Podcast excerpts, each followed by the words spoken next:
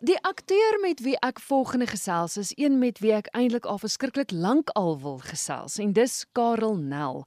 Karel, baie welkom op RSG Kuns. Baie dankie, dis lekker om hier te wees.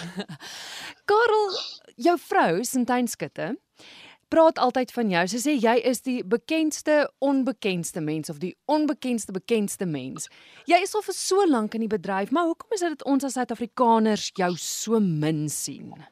Ehm um, ek weet nie regtig nie. Ek ehm um, dis ek nooit ehm um, akteur geword om om bekend te wees nie. Dis swaar vir my ek voel daar's hoe, hoe meer hoe minder mense van jou weet hoe beter akteur is ek. Dis 'n vreemde ehm um, uh, uh, siening wat ek daarop het want jy weet jy, mense weet nie noodwendig wat my persoonlikheid is nie. Hulle weet nie noodwendig wie ek as regte mens is nie. So dan wanneer ek toneel speel jy weet is dit is daar meer misterie in my toneelspel is dit amper hoe ek dit sien en bekendheid is vir my so half iets wat ek nie eintlik wil hê nie want ek wil nie hê mense moet heeltyd vir my kyk of met my praat as ek hulle nie noodwendig ken nie.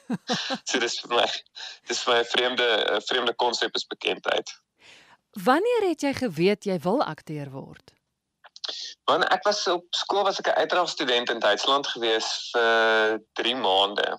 En die familie by wie ek gebly het, het heeltyd vir my Duits gesê ek moet 'n 'n 'n toneelspeler word, 'n toneelspeler word. En hulle het my gevat om my eerste teaterervaring te beleef. Het, het hulle my gevat Berlyn toe te kyk ek die Hunchback of Notre Dame in die, in die Berlin State Theater en dit was my eerste ervaring met teater en toe ek self daarna gekyk en gegaan, "Jessie, ek wil by dit betrokke wees. Dit lyk like incredible om te doen." En toe ek op skool in standaard 9 het het ek uh, het my Engels ek was in die Engelse klas en um, het my Engelse juffrou vir ons gesê sy wil ons het nie regtig drama gehad ons kon net sê sy, sy wil 'n play doen en toe doen ek 'n play en ag toe staan hy so half pryse wat hulle nou gee en ek was in 'n baie sportiewe skool en toe ek net so half die prys gewen vir beste toneelspeler en toe gaan ek o wel ek sien baie goed in al hierdie sportgoeders nie maar hier's iets wat wat hulle nou vir my sê ek actually kan doen en dit dit sou half daar begin het. Ek het eers LLB geswat, ehm um, maar toe het ek opgeskop en toe het ek oorgegaan drama toe.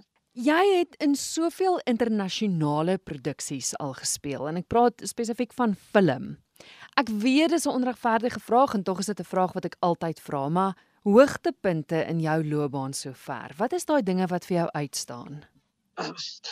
My eerste internasionale projek was swaar vir my 'n baie groot hoogtepunt. Dit was vir my eye opener en dit is waar ek besef het um, ek wil ek wil dit half probeer soveel as moontlik doen. Ehm um, en dit was ek het 'n reeks gedoen met die naam van Flight of the Storks en dit is deur 'n Franse regisseur maar is 'n Britse ehm um, produk gewees. En dit ek daarop en ek bedoel met hulle begrotings en die hoeveelheid geld wat hulle het om te spandeer en die hoeveelheid tyd wat jy het om te skiet jy weet was dit so of ek was so of wow kyk hoe doen hierdie mense dit. Dit is incredible. Mm. en dit was my groot hoogtepunt en 'n groot ehm um, um, mental shift vir my gewees. En dan my uh my ander baie groot hoogtepunt is ek het ek het audisie vir um Raised by Wolves en toe is was ek besig om 'n ander uh, Amerikaanse res te skiet Grant en toe bel my agent my terwyl ek opstel is te sê sy vir my sy sê jammer so pla my uh, en kan maar kan ek môre middag 1 uur vir Ridley Scott gaan ontmoet? En toe sê ek self sê wat wat bedoel jy? Dis is in die Ridley Scott wil met jou ontmoet môre 1 uur. En toe sê ek self ja sure ek kan. En toe die volgende dag toe het ek vergadering met Ridley Scott vir vir 'n uur en in die vergadering bied hy vir my die rol aan en ek dit was so half amper ehm um, surreal geweest. Ek was so half gevoel asof ek nie in my eie liggaam is nie. Dit was baie vreemde ervaring. Ja. Is ek reg as ek sê omdat jy op internasionale vlak werk, is daar ander standaarde? Jy het net nou self gesê die feit die tyd wat hulle vat om in 'n produksie in te sit, die geld. Maar jy as akteur, uh, aksente, Uh wat moet jy as Karel doen om te sorg dat jy op internasionale standaarde is? Ja, ja, kyk wel, jou aksent moet goed wees. Jy moet 'n uh, eh, jy moet geloofwaardig Amerikaans of Brits kan klink om om op daai shows te wees. Ehm um, so dit is maar 'n uh, groot ding wat hulle daar doen, maar uh, wat vir my uh, jy weet nogal uh, ook 'n eye opener was is hoe hoe daai akteurs, ek het nou baie tyd saam met van daai akteurs Amerikaanse en Britse akteurs wat nou jy weet in Hollywood en daai plekke werk hoe hulle dit approach is ook jy weet met met met so baie kennis van kamera, jy weet ek het geleer by Andrea Risenbright sy het vir my vir my begin verduidelik hoe sy speel met 'n kamera. En toe gaan sy vir my vir jy moet verstaan dat uh, jy dis is teater, daar's 'n proscenium, daar's 'n boksie waarin jy speel. So hang af hoe naby die kamera aan jou gesig is op watse lens hulle ook al is, hoe kleiner is daai boksie waarin jy kan speel en jy moet dit dan besef so jy kan dan as hulle verder van jou weg is, kan jy baie groter so iets. So daar's allerlei triks en goeders wat ek by hulle geleer het wat wat nog 'n ongelooflike ding is en en die standaard wat hulle vir hulle self skep is ook baie hoog. So mm. jy moet ook 'n standaard van jouself af verwag. Ja. Help dit of maak dit dit moeiliker om met 'n aktrise getrou te wees? Ek dink dit help. Ehm um, ek, ek want ons verstaan mekaar se ure. Ek dink vir ehm um, vir mense wat nie in die film of teaterbedryf is nie, ons ure is absurd. Ek bedoel soos ek gaan nou hierdie week op op 'n staptoer en Sintyn sy saam gegaan het en maar nou ewe skielik het sy werk. Jy weet en nou kan sy nie meer saamgaan nie. En ek verstaan dit want want werk is die belangrikste ding want op die einde van die dag moet ons ons huur betaal en kos koop, maar so ons verstaan mekaar se ure, ons verstaan op mekaar se ehm um, se insecurities in terme van jy weet van audisies doen en dit nie kry nie en regtig jy hoop op iets sit en want daar's baie ehm um, ekskuus ek gebruik baie Engelse woorde maar daar's baie rejection wat ons ehm um, wat ons gereeld ervaar en ek bedoel sien nou maar jy doen 10 audisies 9 van hulle sê hulle vir jou nee jy weet so ja. dit is 'n konstante ehm um, uh, jouself amper moet bewys en om te verstaan waar deur iemand gaan sien nou maar jy het 'n patch waar jy min werk en jy weet dit affekteer jou sielkundig en dit affekteer dan jy weet dan weet sy jy weet dit gaan dalk nie nou baie goed met my nie want ek sukkel om werk te kry of ek sukkel om om om om, om my audisies reg te doen of wat ook al en so so daar's baie meer um mutual understanding van waar deur die ander persoon gaan wat ek dink 'n baie groot verskil maak. Mm. Wat doen jy om jouself uit daai gat uit te kry? As dit sleg gaan en as jy een na die ander gefaalde audisie het. Hoe kyk jy vir jouself in die spieël en sê, "Karel, jy's goed genoeg." Jong, dis maar ek dink dit is 'n 'n persoonlike ek weet nie, dis moeilik. Jy jy staan maar af, jy staan op, jy stof jouself af en jy probeer weer want op die einde van die dag is is dit is wat ek wil doen. Dit is wat ek nog altyd wou doen. Dit is my droom. Jy weet so vir my is voel ek baie ehm um, al amper bevoorreg om te kan doen wat ek doen want dit voel vir my ek is besig om my droom na te volg en dit is 'n 'n ding wat ek dink nie baie mense noodwendig altyd ervaar nie. So om daai droom na te volg, gaan jy baie keer val en jy gaan baie keer deur slegte patches gaan en jy gaan net jouself moet afstof en opstaan en en jy gaan moet aangaan want as dit is wat dit is baie maklik om op te gee en iets anders te doen. Dit is mm. dit is jou alternatief is dan opgee. Mm. Ehm um, so dit is nie vir my 'n opsie nie. Dit is dit is nie die opsie nie. So dan moet jy maar net aangaan en en meer en harder werk en meer probeer en en en meer goeders lees. Ek lees baie boeke oor toneelspel en sulke goeders om om om my horisonne te verbreek om om meer uit te figure van hoe ek myself kan kan upskill en en beter maak as 'n akteur. So so dan moet jy maar net aanhou en aanhou. Ja. Ek wil vreeslik graag met jou gesels oor 'n nuwe fliek. Wel, hy's nou nie hier in Suid-Afrika. Gaia. Is dit 'n Suid-Afrikaanse film? Ja, dis 'n Suid-Afrikaanse film. Dis ehm um, geskryf deur Tersius Kap, Jaco Bouwer was die regisseur, Jorie van der Walt is die ehm um, is die ehm um, die DOP gewees, die director of photography en hulle drie het dit vervaardig ook. Ehm um, en ehm um, ons het dit hier in, in Nature's Valley geskiet. Ek het die lokprent gesien en ek moet vir jou sê ek Eh, ek weet nie regtig waaroor dit gaan nie. Dit is dit daar's misterie rondom die lokprent. Vertel gou in 'n neete dop vir luisteraars waaroor gaan Gaia. Okay, so, so basies waar dit gaan is dit is ehm um, dit gaan oor uh, hierdie uh, park ranger ehm um, haar naam's Gabby wat gespeel is deur Monique Rockman. Sy's 'n fantastiese aktrise. Ehm um, sy gaan op 'n roetine uh, mission in saam met haar kollega in die in die woud in om kameras te gaan check, daai camera traps wat wat mense het. En dan het sy 'n drone en sy ehm um, verloor die drone in die woud. Dan moet sy die ding gaan soek. Dan kom sy af op twee ehm um, survivalists dan sit nou ek dis Barend en Alex van Dijk wat my seun speel ehm um, en sy naam is Stefan en sy kom ag op hulle en kom agter hulle het 'n baie vreemde verhouding met natuur en die pa Barend het af jy weet vir afgod amper natuur en hy hy bid aan 'n ander god wat hy in die bos gevind het. En dan is daar nou ook natuurlik monsters wat in die bos is wat sy nie heeltemal kan plaas nie. En dit word nou als deur die deur die deur die deur die um, fliek duidelik gemaak. Ek wil net nie veel weggee nie, ja. maar dan ook ehm um, wat wat gebeur is daar's 'n daar's 'n Abraham en Isak storielyn wat ook wat ook van toepassing is op op die op die film. Ja, so in watter genre val die film? Ag, dit word genoem 'n eco horror. Ehm um, so ek sal nie sê dit is 'n 'n horror film nie. Ek dink dit daar is elemente van horror in dit, maar ek sou sê dis meer van 'n thriller.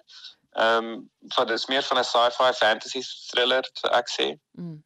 Vertel my 'n bietjie rondom die skiet van van hierdie film, want ek het eers gehoor jy sou begin het daarmee net voor die Grendeltyd en toe kon dit nie is ek reg?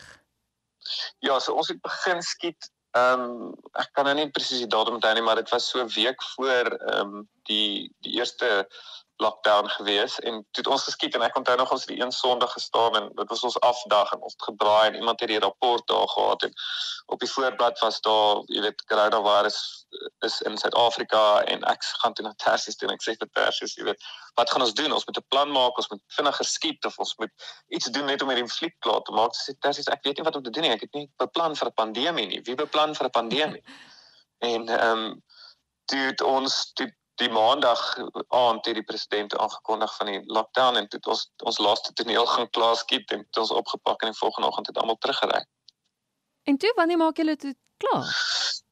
Toe is dit nou ag toe ek dink ons kon weer in level 4 kon mag ons weer films en televisie gemaak het en toe was dit nou maar net Monique toe op daai stadium begin by Suidooster en toe was dit nou maar net 'n skedulerings uh, ding van haar daar te kan kry en hulle het ons toe baie goed tegemoet gekom en vir ons toe haar tyd vir afgegee en toe het ons in Junie teruggegaan en toe het ons weer terug ons het was 3 keer daar en toe het ons dit uiteindelik als klaar geskiet. Jo. Maar wat uh, nog gesê is ons het baie van ons locations verloor. So ons sou baie van dit in sandparke daar geskiet het en toe met die lockdown het hulle ons sandparke toegemaak vir ja. enige enige mense so toe moes hulle inderdaad ook allerlei locations kry en toe uh, Jaco en Jori hulle in Tersius loop een afgekom waar ons af moes hike in 'n kloof in en dan stap ons ek dink dit was iets soos 4 km langs 'n rivier af en dan begin ons te skiet daar en dan werk ons ons pad so al die pad terug tot waar ons begin het Dit was nogal interessant geweest. Maar dit moes 'n uitdaging vir die karakters ook geweest het. Ek bedoel vir jou as karakter want jy begin, jy's net in die karakter in en dan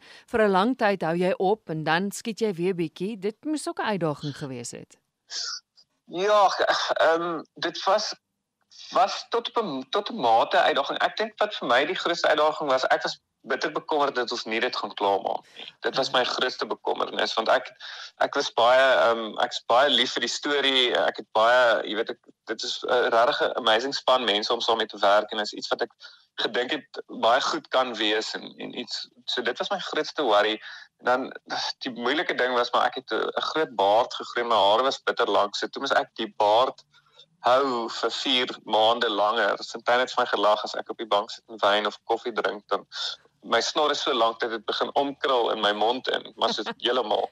En dan elke keer as ek 'n sluk tee, ag sluk koffie of of of 'n slukkie wyn vat, dan moet ek met 'n lappie sit en my snor afvee want anders dit drup als op my hemp.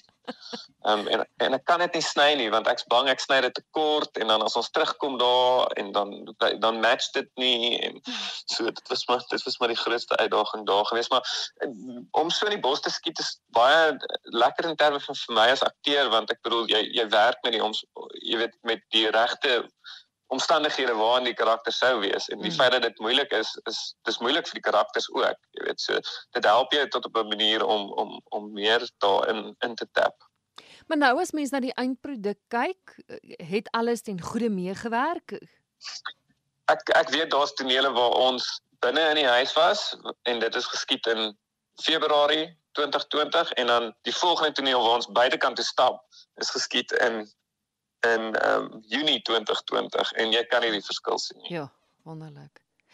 Hoe ja. hoekom sou jy sê moet mense die film gaan kyk? Ek dink dis reg goed gemaak.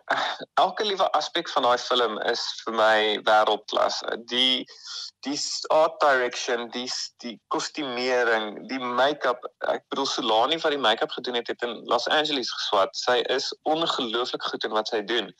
Ehm um, so elke liewe aspek daarvan is mense wat regtig weet wat hulle doen.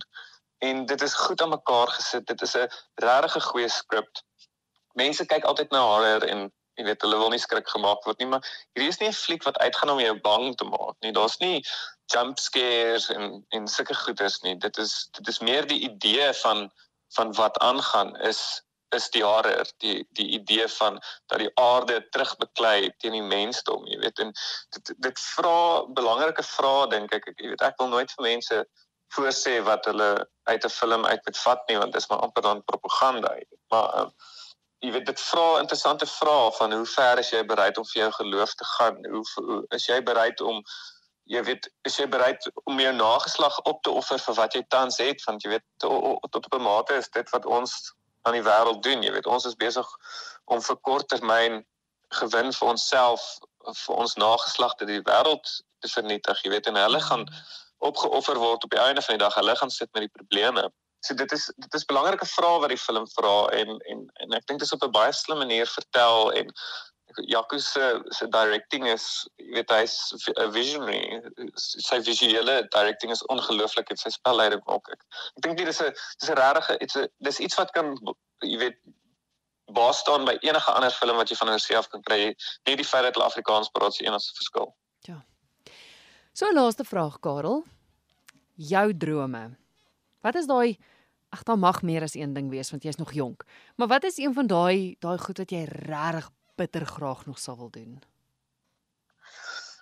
Ja, dis 'n moeilike vraag. Ehm um, ek weet nie, ek het nog nooit so daaraan gedink nie. My drome is maar nog altyd net om te doen wat ek doen. Ehm um, so ek my grootste droom is om vir die res van my lewe te kan 'n akteur wees. Jy weet, dis dis die ding wat my die meeste pla, jy weet. Ek kyk na na ons na ons industrie en is baie bekommerd oor oor jy weet wat die volhoubaarheid is vir vir beroepsakteurs, jy weet, ehm um, so dit is 'n groot uh, bekommernis wat ek het, maar in terme van drome, ja, ek weet nie, ek sal ek wil reis, ek wil die hele wêreld sien, soveel van die wêreld kan sien as wat ek menslik moontlik kan.